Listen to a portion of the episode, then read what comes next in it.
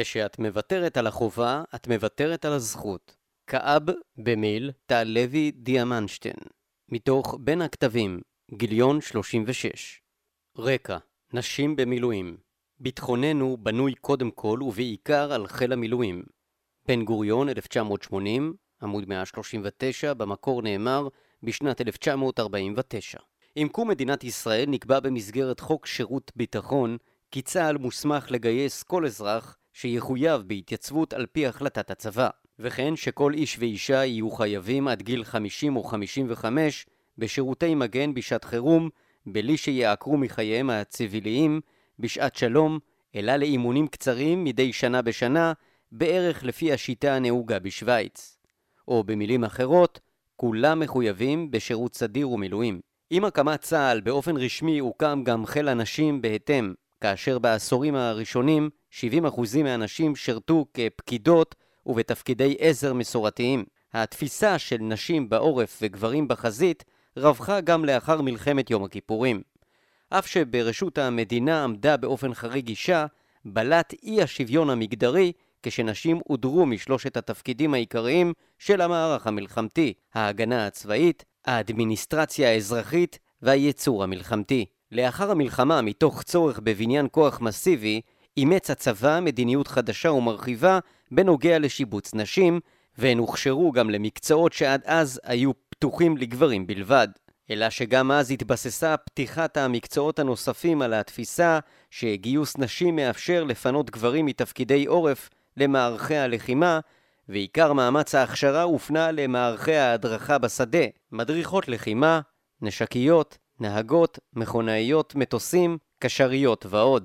בתקופה זו הוטבע גם המונח נשים חליף גברים. בשנות התשעים, בעיקר סביב בג"ץ אליס מילר, נתפס השירות הצבאי כזרז לתהליכים חברתיים הקשורים קשר ישיר לזכויות נשים בישראל, וגברה הדרישה לשוויון הזדמנויות רשמי בשורות הצבא ולפתיחת כל התפקידים בפני נשים. בהמשך ישיר לכך, בשנים האחרונות ניתן להבחין בשתי מגמות מקבילות המתרחשות במערך המילואים. מחד, צמצום מערך המילואים מתוקף חוק המילואים החדש, לכדי מערך קטן, מקצועי ומאומן יותר, ומאידך מגמה הולכת וגוברת של שילוב נשים במערך. בדיון בנושא בוועדת החוץ והביטחון שנערך לכבוד יום ההוקרה למערך המילואים 2022, הציג תת-אלוף אמיר וידמני, ראש חטיבת תכנון ומינהל כוח אדם בצה"ל, את הנתונים וטען כי מגמת העלייה שאנחנו רואים בשירות נשים במילואים היא נגזרת של המערך הסדיר, בו אנחנו רואים עלייה בשירות הנשים במקצועות הליבה של צה"ל. טל וידמני ציין כי כיום נשים מהוות 17% ממערך המילואים לעומת 13% בשנת 2010. הוא הוסיף כי אחוז זה צפוי להמשיך ולגדול, היות שהיום נשים מהוות 18% מכלל המערך הלוחם הסדיר בצה"ל, כלומר, את מגמת העלייה בשירות נשים במערך המילואים בצה"ל ניתן להסביר בין היתר על ידי שילובן של נשים במגוון הולך וגדל של תפקידים במערך הסדיר בד בבד עם מגמת העדפה של צה"ל לשילוב משרתים ומשרתות על בסיס מקצועי ומוטיביציוני וחשיפה של יותר ויותר נשים לאפשרות שהייתה סגורה בפניהן בעבר. מזה שנים רבות פועלים ארגוני נשים רבים לקידום נשים בצה"ל ובמערך הביטחון, מתוך הבנה כי השיח הביטחוני בישראל הינו ציר מרכזי לקידום אג'נדות, בין היתר, גם חברתיות או למניעתן. החל מתקדים אליס מילר ועד ימים אלו, ברוח החלטת האו"ם 1325, יוצאים ארגונים אלה מתוך הנחה מגובה במחקרים רבים מעולם הפסיכולוגיה הארגונית והקוגניציה, שהימצאותן של נשים במוקדי קבלת ההחלטות מקדמת חשיבה מגוונת יותר המביאה להישגים כחלק מהאינטרס הלאומי של מדינת ישראל וחיונית לקידומה של חברה ישראלית שוויונית ומייצגת יותר. למרות האמור לעיל, לנושא שירות נשים במערך המילואים באופן פרטני לא הוקדשו עד כה מספיק מאמצים. לראיה, אין די נתונים, מחקרים וסקרים מתוקפים הבוחנים את שירות הנשים במילואים ואת האתגרים העומדים בפני המשרתות, המשרתים והמערכת. על כן, מאמר זה הוא חלוצי יחסית ומבוסס על מה שידוע לנו בתחום שירות הנשים בצה"ל, כמו גם במערך המילואים כהמשך ישיר שלו. במסגרת המאמר אבקש לסקור את המצב כיום, את הגורמים לו ואת ההשפעות במעגלים הרחבים יותר. בשל הפער בספרות מחקרית בנושא, אעשה זאת דרך הצגת הפעילות של פורום המילואימיות ואחרים בנושא, ושימוש בנתונים, דילמות ושיח שעולים בקהילת המילואימניקיות בשנה החולפת. הווה, נשים במערך המילואים, תמונת מצב. בעוד שהצבא נערך לביצוע התאמות וחידושים רבים במערך הכוללים את כניסתם של הגדודים המעורבים הראשונים כגדודי מילואים אורגניים, לפי הנתונים האחרונים שהוצגו כאמור בוועדת החוץ והביטחון על ידי נציגי אכ"א, נשים עדיין מהוות חלק קטן יחסי במערך, כ-17% בלבד. באסטרטגיית צה"ל נכתב כי שירות המילואים מבטא את ההשתתפות הפעילה של אזרחי ישראל בהגנה על המדינה, והוא אחד הביטויים המרכזיים להיותו של צה"ל צבא העם. מערך המילואים הוא נדבך מרכזי בתפיסת הביטחון של מדינת ישראל, ויש בו פוטנציאל לחיזוק החוסן הלאומי והחברתי, מפני שחיילי המילואים ממלאים שליחות כפולה, הן של הצבא בחברה והן של החברה בצבא. אמירה זו מביאה לידי ביטוי את אחד ההבדלים המהותיים ביותר בתפיסה החברתית המבדילה בין הגברים לנשים במערך המילואים, בעוד החברה, משפחות, מעסיקים, קהילות וכיוצא בזה, רואה בגברים המשרתים שותפים משמעותיים לביטחון המדינה ומוקירה את הקרבתם, הנשים נתפסות כמי שמנסות להוכיח צדקניות, פמיניסטיות, במקרה הטוב, או במקרה הרע, נטל על המערכת ומודל גרוע להורות. המלצות לקידום ושילוב נשים בצה"ל כאינטרס מערכתי ביטחוני ניתן למצוא בדוח הוועדה לעיצוב שירות הנשים בצה"ל בראיית העשור הבא, או בשמו המוכר יותר, דוח שגב, אשר נקודת המוצא שלו מתבססת על הרציונל של מיצוי משאבים נכון יותר, שעל פיו גברים ונשים ימוצו בשירות באופן זהה לפי קריטריונים ענייניים המשקפים את צורכי צה"ל את מרצם, יכולותיהם ותכונותיהם האישיות של המתגייסים ולא את מינם. מסקנות הדוח יושמו באופן חלקי בלבד והן חלות כמובן על גיוס נשים במערך הסדיר, אך ראשית הצירים משפיעה מן הסתם על שילובן של נשים מאוחר יותר במערך המילואים. גם כיום לאחר מספר סבבי דיונים ותיקונים בחוק שירות הביטחון, קיים פער משמעותי באורך חובת השירות הסדיר, 32 חודשים לגברים, 24 חודשים לנשים, ובסוגי התפקידים עליהם יוכלו נשים להתמיין. מלכתחילה, מתוך הבנה ששירות המילואים הוא שירות חיוני לשעת חירום ברמה לאומית, משובץ בה בעיקר המערך הלוחם, וכבר בסוגיה זו נוצר פער משמעותי בצורך כביכול של נשים במערך המילואים. לצד זה קיים גורם נוסף החופף לשירות הסדיר של נשים לוחמות, אלמנט ההתנדבות, נשים שרוצות לעשות שירות מילואים במגוון התפקידים בהן שירתו בעורף או בחזית, בדיוק כמו הלוחמות הצעירות, צריכות להיות אקטיביות יותר, ולדרוש להתנדב, בוודאי ובוודאי בשלבים שאחרי הריון ולידה. ישנם מספר תפקידים בודדים בהן נשים ממשיכות בצורה אוטומטית לשירות מילואים, אבל מדובר על מספרים נמוכים במיוחד, וגם אז חובת השירות חלה עד הריון ולידה. במאמרו העוסק במילואים כצבא העם, ציין תא"ל פרידמן בן שלום כי מפקדים במערך המילואים מתפתחים בתוך יחידותיהם וצומחים מהשורות. משך ההתפתחות ומשך הקדנציה של בעלי תפקידים במילואים ארוכים יותר בהשוואה לאלה של מפקדי הסדיר, ולכן הם משמרים זיכרון ארגוני, משמשים מוקדי ידע והתמחות אופרטיביים לאורך זמן, ומעניקים ליחידות המילואים יציבות שלא תמיד קיימת ביחידות הסדירות. מכאן עוצמתם ויתרונם היחסי עבור צה"ל כארגון. הבנה זו מביאה אותנו לעסוק בשאלה מדוע אין יותר נשים מפקדות במערך המילואים. שכן, כמו הגברים, הן יתמקצעו בסדיר ובקבע ויוכלו לשמש מוקדי ידע והתמחות. ובכן, עצם התפיסה בתוך היחידות הרואה בנשים השקעה לטווח קצר, הופכת אותן בעצם לעוף אחר במערך המילואים כולו, ביחס לזה שתיאר פרידמן בן שלום. האם מותר או אסור לנשים הריוניות לשרת במילואים? תחום זה מטושטש מאוד, ולא בכדי. הוא מטושטש מכיוון שאין לו כמעט תקדימים של נשים הריוניות המבקשות להמשיך לשרת, ואין למפקדים כמעט צורך לעסוק בו, למעט לשלילה ולהוצאה של אשת מילואים לפתור. כמובן שיש הבדל בין תפקידי שדה לתפקידי שטח, כשם שהם מתקיימים עבור גברים שאינם מסוגלים בנסיבות בריאותיות לתפקד. אבל לא הנשים ולא הגברים מודעים ומכירים את הנהלים, ולכן חלק מהנשים יקבלו ממפקדיהן את ברכת הדרך להמשיך תפקיד ככל שהן יכולות ומסוגלות, וחלק יידרשו לצאת לחופשה כפויה, על אף שאין שום מגבלה בהמשך שירותן. ומה בדבר נשים שלאחר לידה? ובכן, כיום רובן המכריע תקבלנה פטור אוטומטי משירות מילואים ללא קשר לעמדת מפקדן הישיר והן תיאלצנה לבצע תהליך של נידוב מחדש באישורו. כלומר, גם נשים מוערכות מאוד ביחידות שלהן, מסומנות אם תרצנה או לא, בכל הריון מחדש, כמי שאו-טו-טו עומדת לעזוב, ומשכך, אפילו שמילואים אינם מקום עבודה וממילא הנוכחות בהם היא בטווחים גדולים, נשים אינן מקודמות לתפקידים בכירים לא רק על רקע יכולות מקצועיות ומוטיבציה, וזה רק ההיבט המערכתי הצה"לי. מה מאפשר לאישה שכירה, שהיא גם אימא וגם משרתת מילואים פעילה, להחזיק את כל המנעד הרחב? בעוד שגברים יכולים להיות גם וגם וגם, מנהלים בכירים, מפקדים במילואים והורים הנתפסים מעורבים, הנשים נדרשות על ידי המעסיקים והחברה לבחור תחום מצומצם ולהתמיד בבחירתן. שילובן של נשים בתפקידים בכירים, מעבר למשמעותו במימוש הזכות לשוויון ובהגברת המוטיבציה של נשים לשרת בצה"ל, יש בו כדי לקדם את האינטרסים של צה"ל במישרין. גברים ונשים אינם חושבים בהכרח אחרת על כל דבר, אבל יש להם לא פעם זווית הסתכלות אחרת. ככל שיש יותר זוויות מבט בפורומים של קבלת החלטות, תהליך קבלת ההחלטות משתפר.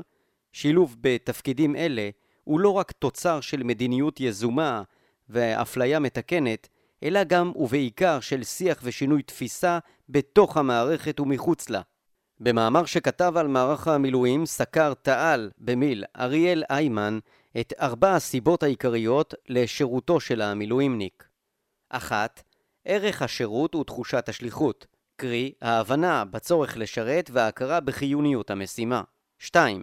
לכידות היחידה, מערך המילואים כישות חברתית אנושית, קהילה לכל דבר ועניין, הסולידריות והקשר הבין-אישי בין החיילים המהווים השפעה עצומה על המוטיבציה לשירות. 3. מיצוי אישי והגשמה עצמית. השירות מאפשר לחיילים לממש ערכים חברתיים שונים כמו התנדבות, תרומה לקהילה ומיצוי אישי בעיקר בתחום של מנהיגות והובלה. 4. החובה לשרת מכוח החוק. הקריאה לשירות על פי חוק עדיין מביאה להתייצבות.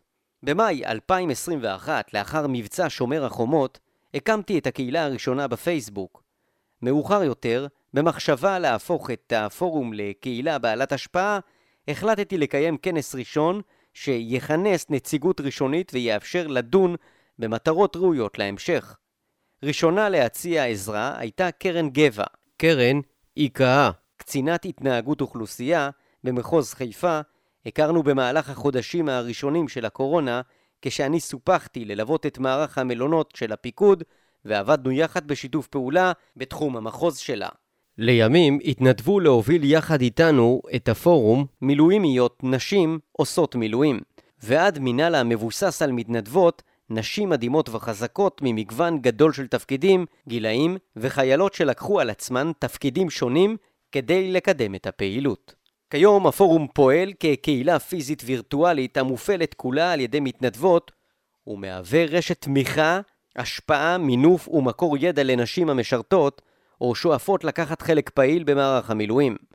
הפורום עובד בשיתוף פעולה עם צה"ל ועם הגורמים הרלוונטיים למען קידום והרחבה של האפשרויות העומדות בפני הנשים המשרתות במערך המילואים, לצד הסרת חסמי הכניסה שיעודדו נשים פוטנציאליות נוספות להתגייס.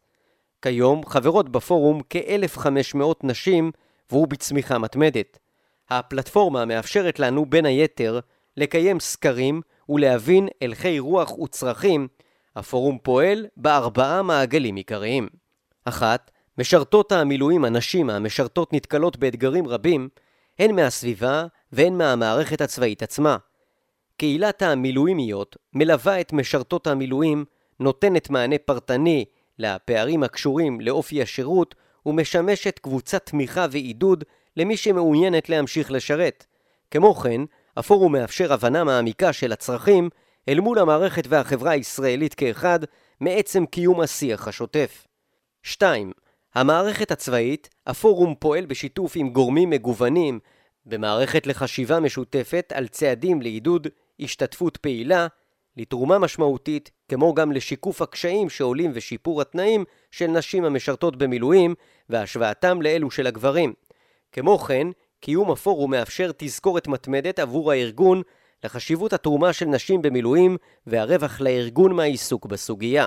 3. קולגות ומפקדים אנחנו מקפידות על קיום שיח ופועלות שיביאו לשינוי התפיסה הרווחת ופערי הידע של מפקדים שמעכבות התקדמות של נשים לתפקידים בכירים יותר ורואה בהן עול או כוח אדם זמני. 4. החברה הישראלית מעסיקים מעגלי תמיכה, קהילות נשים אחרות, העלאת מודעות לחשיבות השירות של נשים במילואים ויצירת לגיטימציה ציבורית המעודדת עוד ועוד נשים לקחת חלק כפי יכולתן וכישוריהן.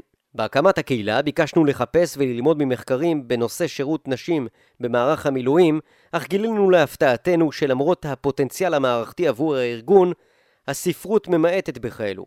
כאן גייסנו את הקהילה ובבחינת התמות המרכזיות העולות בפורום, בדיונים השונים ובסקרים רשמיים שקיימנו, נראה כי המניעים של המילואימניק, כפי שהציג אותן איימן לעיל, והמילואימניקיות, כמעט זהים, למעט הבדלים בודדים.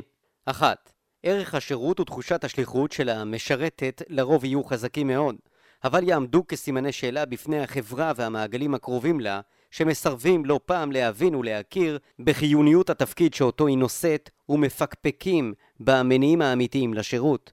לא פעם, נשות המערך נדרשות להוכיח את הצורך הביטחוני האמיתי למעגלים הסובבים אותן. 2. לכידות היחידה. מערך המילואים אכן מהווה ישות חברתית, קהילה סולידרית, אבל לא פחות מזה, הוא אף מהווה בהרבה מאוד מקרים מועדון גברים סגור, וככזה, לנשים הבודדות המשרתות בתוך קהילה כזאת, לעתים יהיה קשה מאוד להשתלב מבחינה חברתית, לסגל דפוסים התנהגותיים ולבוא לידי ביטוי. במקרה כזה, ובוודאי שאל מול כל האתגרים האחרים, הן פשוט מעדיפות לוותר על המאבק והבדידות ולנשור, או אז הן מוכיחות במעגל קסמים את מה שנאמר עליהן מלכתחילה, שאין סיבה להשקיע בהן, כי הן ממילא עוד מעט יעזבו.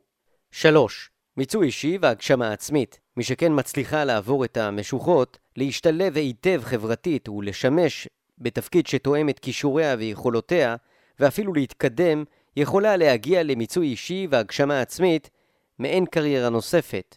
אלו הן גם הנשים שפותחות את הדלת עבור אחרות ומייצרות לעתים מבלי לשים לב בכלל שינויים של ממש במודל ההפעלה של היחידות שבהן הן משרתות.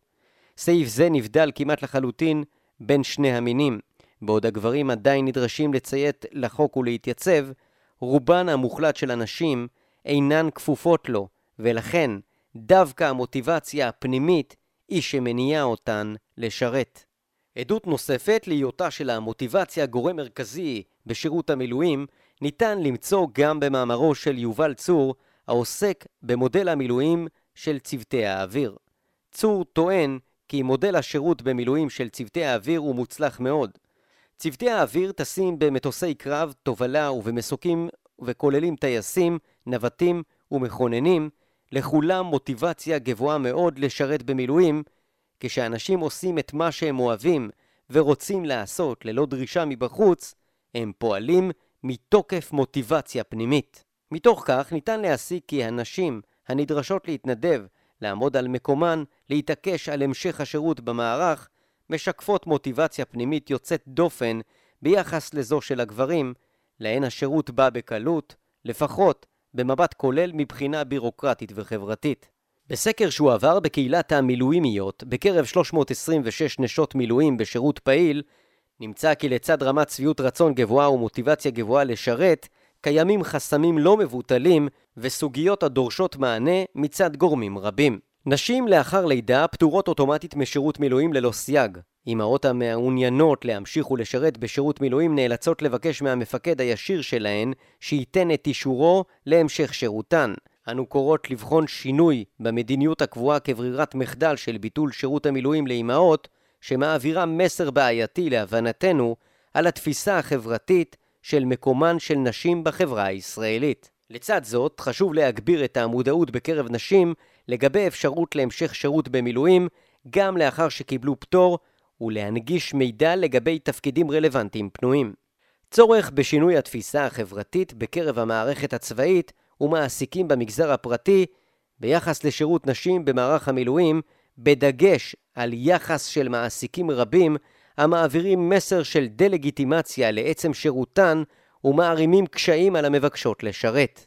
הקושי בשילוב נשים בתפקידי פיקוד בכירים, הנובע בין היתר מייצוג מצומצם של נשים במערך המילואים, ומהתפיסה של המפקדים והמערכת של הנשים כזמניות עד כניסתן להיריון, תקרת הזכוכית הזאת מייצרת נשירה גבוהה שרק מחזקת את התופעה. היעדר מערך הולם של מניעה וטיפול בסוגיות של הטרדה מינית והתעמרות בשירות המילואים, והצורך בחיזוק והרחבת מערכות התמיכה בתוך ומחוץ למערכת. בסקר המילואימיות שצוין לעיל, נאספו נתונים נוספים. 51 אחוזים וחצי מהמשיבות אינן מחויבות על פי חוק לשירות מילואים ובכל זאת משרתות. 70 אחוזים מהמשיבות נגרעו בעבר משירות מילואים שלא בהסכמתן, ללא שום נוהל מסודר וללא מעורבות המפקדים הישירים שלהם, ונאלצו לפנות באופן אקטיבי כדי לבקש לחזור לשירות. כ-21% מהמשיבות הן אימהות. כ-70% מבין מי שאינן אימהות הביעו רצון להמשיך לשרת במילואים גם לאחר הלידה. כ-63% מהמשיבות מרגישות כי שירות המילואים תורם להתפתחותן האישית במידה רבה מאוד. 45% מהמשיבות ציינו כי אינן מקבלות מענה לוגיסטי הולם לפערים מגדריים במסגרת שירותן, או מקבלות מענה חלקי. למשל, חדרים נפרדים לשינה, מקלחות נפרדות, שירותים נפרדים ועוד. הנתונים העולים כיום מהקהילה משקפים הזדמנות עבור צה"ל לכוח אדם איכותי המבקש להמשיך ולהיות רלוונטי בדגש על הזמנים בהם הארגון הכי נדרש לכוח אדם כזה, חירום. כדי לממש את ההזדמנות, צה"ל יצטרך לחדד את יכולת ההשמה שלו ולאפשר מעבריות תפקידים אקטיבית בין שירות סדיר למילואים, כאשר הרווח הוא קודם כל הארגון. בנוסף, נראה כי סוגיית ההשמה והמעבריות תהא רלוונטית פעמים רבות גם לאוכלוסיית המילואימניקים, ותאפשר לצה"ל לנצל כישורים ויכולות שנרכשו על ידי המילואימניקים או המילואימניקיות באזרחות בשנים שלאחר שהשתחררו לצרכיו, ולאו דווקא לפעול לפי ציר ההכשרה הצבאית הראשונית גריידה. עתיד המערכת הצבאית, קולגות ומפקדים והחברה הישראלית. כאמור, פורום המילואימיות עובד בשיתוף פעולה עם בעלי תפקידים בצה"ל ועם הגורמים הרלוונטיים למען קידום והרחבה של האפשרויות העומדות בפני הנשים המשרתות במערך המילואים, לצד הסרת חסמי הכניסה שיעודדו נשים פוטנציאליות נוספות להתגייס. בפרק זה של מאמרי אבקש להרחיב על שלושה תחומים עיקריים בהם פועל הפורום בשנה החולפת, להציג חלק מההישגים ועם הפנים קדימה, לשקף שאיפות והזדמנויות נוספות להמשך. המערכת הצבאית משום מקום נגרעתי מיחידת המילואים שלי לאחר שלוש שנות מילואים מסורות ונהדרות, וממש ימים אחדים לאחר אימון שהשתתפתי בו. בין השורות קיבלתי את הסיבה. את נשואה, וכנראה שבקרוב תביא ילדים, ואז לא תרצי, ואף אחד לא שאל אותי. אם היו שואלים, הייתי אומרת, כן, בהחלט. מתוך סקר עמדות, פורום מילואימיות, פברואר 2022. האם צריך להכריח נשים לשרת במילואים בדיוק כמו עמיתיהם הגברים? ובכן, בעולם אידיאלי התשובה כנראה הייתה כן. כל שנדרש מגבר צריך לדרוש גם מאישה. ובכל זאת, התהליכים החברתיים בישראל ובוודאי כל סוגיה שהיא המתחילה ונגמרת בשירות הצבאי, מכריחה אותנו להסתכל למציאות בעיניים ולנהוג במשנה רגישות. לכן עמדתו הרשמית של פורום מילואימיות היא שאין צורך לפגוע בסטטוס קוו הנהוג כיום בשביל להעלות את מספר המשרתות ולהכיל מהלכים משמעותיים מחוללי שוויון. אלו גם לא בהכרח ישרתו את צורכי המערכת ואף עלולים לעלות יותר מלהביא לרווח באם יתבצעו ללא העמקה. ביכולתנו כחברה וכמערכת לפעול לשינוי בצעדים קטנים כדי לעודד ולקדם נשים לקחת חלק שוויוני במערך, כך שבעוד מספר שנים בכלל לא תהיה שאלה אם יש או אין צורך לחייב אותן. עם זאת, כפי שציינתי לעיל, המערכת הצבאית בהחלט יכולה להתחיל בהפיכת ההתנדבות לשירות המילואים למונגשת וקלה יותר עבור הנשים המעוניינות בה. במסגרת פורום המילואימיות פעלנו בשנה האחרונה אל מול ועדות הכנסת, קצין המילואים הראשי, יועצת הרמטכ"ל לענייני מגדר וענף תכנון כוח אדם, הצגנו את הממצאים והתובנות שעלו וביקשנו לפעול יחד לטובת השינויים המיוחלים. לאחרונה, ביוני 2022, הוחלט בכנסת, בוועדה לקידום מעמד האישה, על ביטול הפטור האוטומטי הניתן לנשים לאחר חופשת לידה מהשירות במילואים. מהלך זה מאפשר בתור התחלה להקל על הבירוקרטיה במעט עבור אלו שמעוניינות להמשיך ולקחת חלק במעשה הביטחוני הישראלי גם במהלך הקמת המשפחה ועיצוב הקריירה. נדגיש כי עתקה מסייעים לפורום המילואימיות, תומכים בקיום הכנסים שלנו ואף נוכחים בהם. הקשר הזה בין המערכת הצבאית למילואימניקיות עצמן הוא ראשית הצירים, הכרה בעוצמתו של השינוי וערכו עבור המערכת, כמו גם עבור הנשים עצמן. לצד אלו אנחנו מבקשות לשקף את העמדות שעולות בפורום ולהדגיש על מנת לעודד נשים צעירות וגם גברים להיות שותפות ושותפים פעילים ומלאי מוטיבציה במערך ובהמשך להתמודד על תפקידים בכירים מתוך הכרה בתרומה שמהווה הימצאותם של צעירות וצעירים בתפקידים אלה מן הראוי שהמערכת הצבאית תתחשב בשיקולים משפחתיים ותקל, ככל שהדבר אפשרי, את השילוב בין חיי המשפחה לשירות במערך, ובדגש על שירות בשעת חירום, במציאת פתרונות יצירתיים שיאפשרו לשני המינים להגיע בראש שקט לשירות. אנחנו מדגישות כי כל פתרון עתידי שהוא חייב יהיה להתייחס להורות ככלל, ולא לאימהות בפרט, כסוגיה של דור. קולגות ומפקדים שינוי תפיסה ועוצמתו של שיח הם עניינים משמעותיים עבור שילובן של נשים כחלק אינטגרלי יותר במערך המילואים. כדי לממש את אלו, אנחנו מבינות שנדרשים זמן, סבלנות והשקעה בהסברה, דוברות ונראות. לשם כך, במסגרת הפורום, פעלנו בשנה האחרונה להעצמת נראות נשות המילואים בייצוגים הרלוונטיים. הקמנו מיצג ייעודי ביום ההוקרה למערך המילואים, הפצנו פרסומים רשמיים של הפורום והעשייה של אנשים במערך, ואף לקחנו חלק בצילום קליפ ההוקרה למערך המילואים עם הזמר איתי לוי. אך לצד הנראות חשוב השיח. שפה מעצבת מציאות, ואנחנו מבינות שנצטרך לרדת לשטח ולשוחח עם המפקדים. דור הבכירים והעתיד כאחד. לשם כך אנחנו מתכננות להשתלב בשנה הקרובה בקורסי הפיקוד של מערך המילואים, להגיע ולדבר על הדברים, להקשיב ולשתף בעשייה, ויותר מזה, בערך לארגון ולמשימה המבצעית. החברה הישראלית נוסף על היבטים חיוניים גלויים הגלומים בכוחות המילואים, טומן בחובו המערך הזה מרכיבי תרומה נוספים שלרוב סמויים מהעין. לשירות המילואים, שהוא ממשק אקטיבי בין הצבא לאזרחי המדינה, היה תפקיד משמעותי בגיבוש החברה הישראלית. עתידו של מערך המילואים צפוי להיות אחד הגורמים המרכזיים שיעצבו את תפיסת הביטחון של צה"ל ואת בניין הכוח שלו, וגם את דמותה החברתית, התרבותית והערכית של המדינה.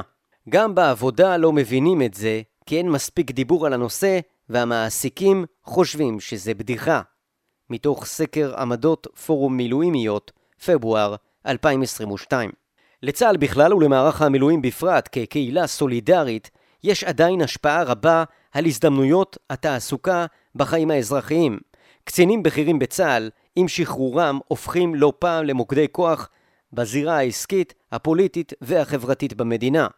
מתוך כך, מבחינת הנשים, מה שקורה בצה"ל משפיע עליהן תוך כדי השירות, אך גם על ההזדמנויות אחרי השירות. בנוסף, נושא זה עשוי להשליך גם על ההתפתחות האישית של נשים ועל התפיסה העצמית שלהן בתקופה מכרעת בחייהן של עיצוב הזהות העצמית. כשמשדרים לאישה שהיא לא חשובה ולא משמעותית ותרומתה מוגבלת, על אחת כמה וכמה כשהיא הופכת להורה, בניגוד לבן זוגה, או אחיה, או אביה וכולי, תפיסה זו עלולה לחלחל גם להמשך חייה ואנחנו בהחלט יכולים לראות מגמה של פערי שכר ושיוך מטלות ההורות והבית באופן כמעט אוטומטי לנשים גם בשנת 2022. אף שלא הוכרז מעולם בצורה חד משמעית כי צה"ל נוהג לפי המודל של גיוס סלקטיבי, בפועל מקיים הצבא מדיניות של הימנעות מחיוב חרדים וערבים לשירות צבאי, ובאמצעות סלקטיביות בגיוס נשים בכלל ובגיוס נשים מהמגזר החרדי והערבי בפרט. כיום על רקע התייעלות מערך המילואים, יותר מבעבר, ישנה סלקטיביות גם בחיוב לשרת במילואים, מה שהופך את המושג צבא העם למושג נזיל וחסר שיניים, ונוטל אגב כך ממגזרים רבים ובדגש על נשים, את הזכויות הקשורות קשר ישיר בחובת השירות, תפיסה זו מחלחלת, בין אם נרצה או לא, לאפיקים נוספים באזרחות. השיח סביב שילוב נשים במערכת הביטחון, לא כל שכן במערך המילואים, יוצא מנקודת מבט שיש להגן על הנשים ולאזן בין זכויותיהן לבין האינטרסים של המערכת. במילים אחרות, הימצאותן של הנשים בצבא נתפסת במידה מסוימת כנטל, מחסום למימוש האינטרסים הלאומיים.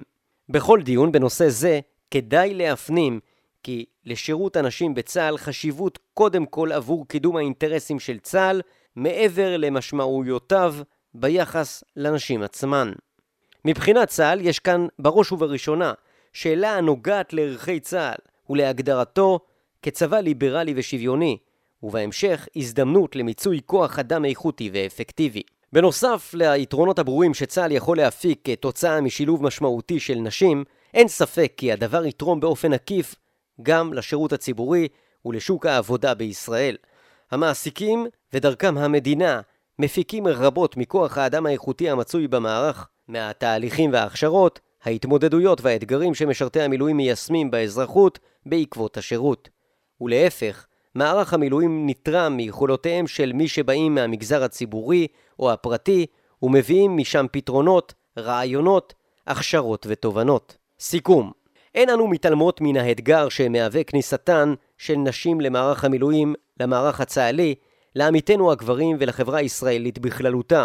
אך יחד עם זאת, היא טומנת בחובה ערך רב עבור המערכת והמדינה, וגם הזדמנות אדירה עבור הנשים המשרתות ואוכלוסיית המשרתים כולה. לשירות מילואים של נשים יש פוטנציאל להיות מחולל שוויון של ממש בחברה הישראלית בכלל, וקפיצת מדרגה מקצועית ואיכותית באפקטיביות של צה"ל בפרט. ואל מול כל אלה, נבהיר כי הכדור אינו רק בידי הגברים והמערכת. נשים כיום צריכות לדרוש מעצמן להיות שם. למרות המחירים הלא פשוטים שהן נדרשות לשלם, הביקורת וצקצוק השפתיים.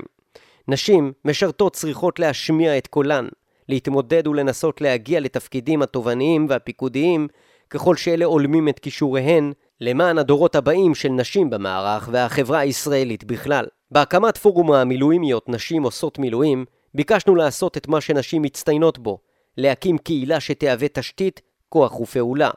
שנה אחרי, ואנחנו כבר יכולות לרשום ניצנים של הצלחות בביטול הפטור האוטומטי לנשים שילדו, אך הדרך עוד ארוכה, והיא מחייבת שילוב כוחות בין נשות מערך המילואים עצמן למערכת הצבאית והחברה הישראלית. צבא העם הוא מודל יסוד בתפיסת הביטחון של מדינת ישראל ושל צה"ל.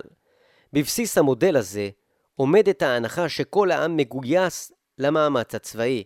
בשעתו תיאר ראש הממשלה לשעבר, שמעון פרס, באופן ברור את חשיבותו ואת משמעותו של צבא העם במדינת ישראל. במשטר דמוקרטי, המדינה היא העם והצבא הוא העם, ואי אפשר להטיל את עול השירות בצבא על חלק מהאנשים ולשחרר ממנו חלק אחר. כמו הזכויות, כך גם החובות חייבות להתחלק באופן הוגן וצודק בין כל חלקי העם, עשירים ועניים, מוצלחים ופחות מוצלחים, ובישראל גם גברים ונשים.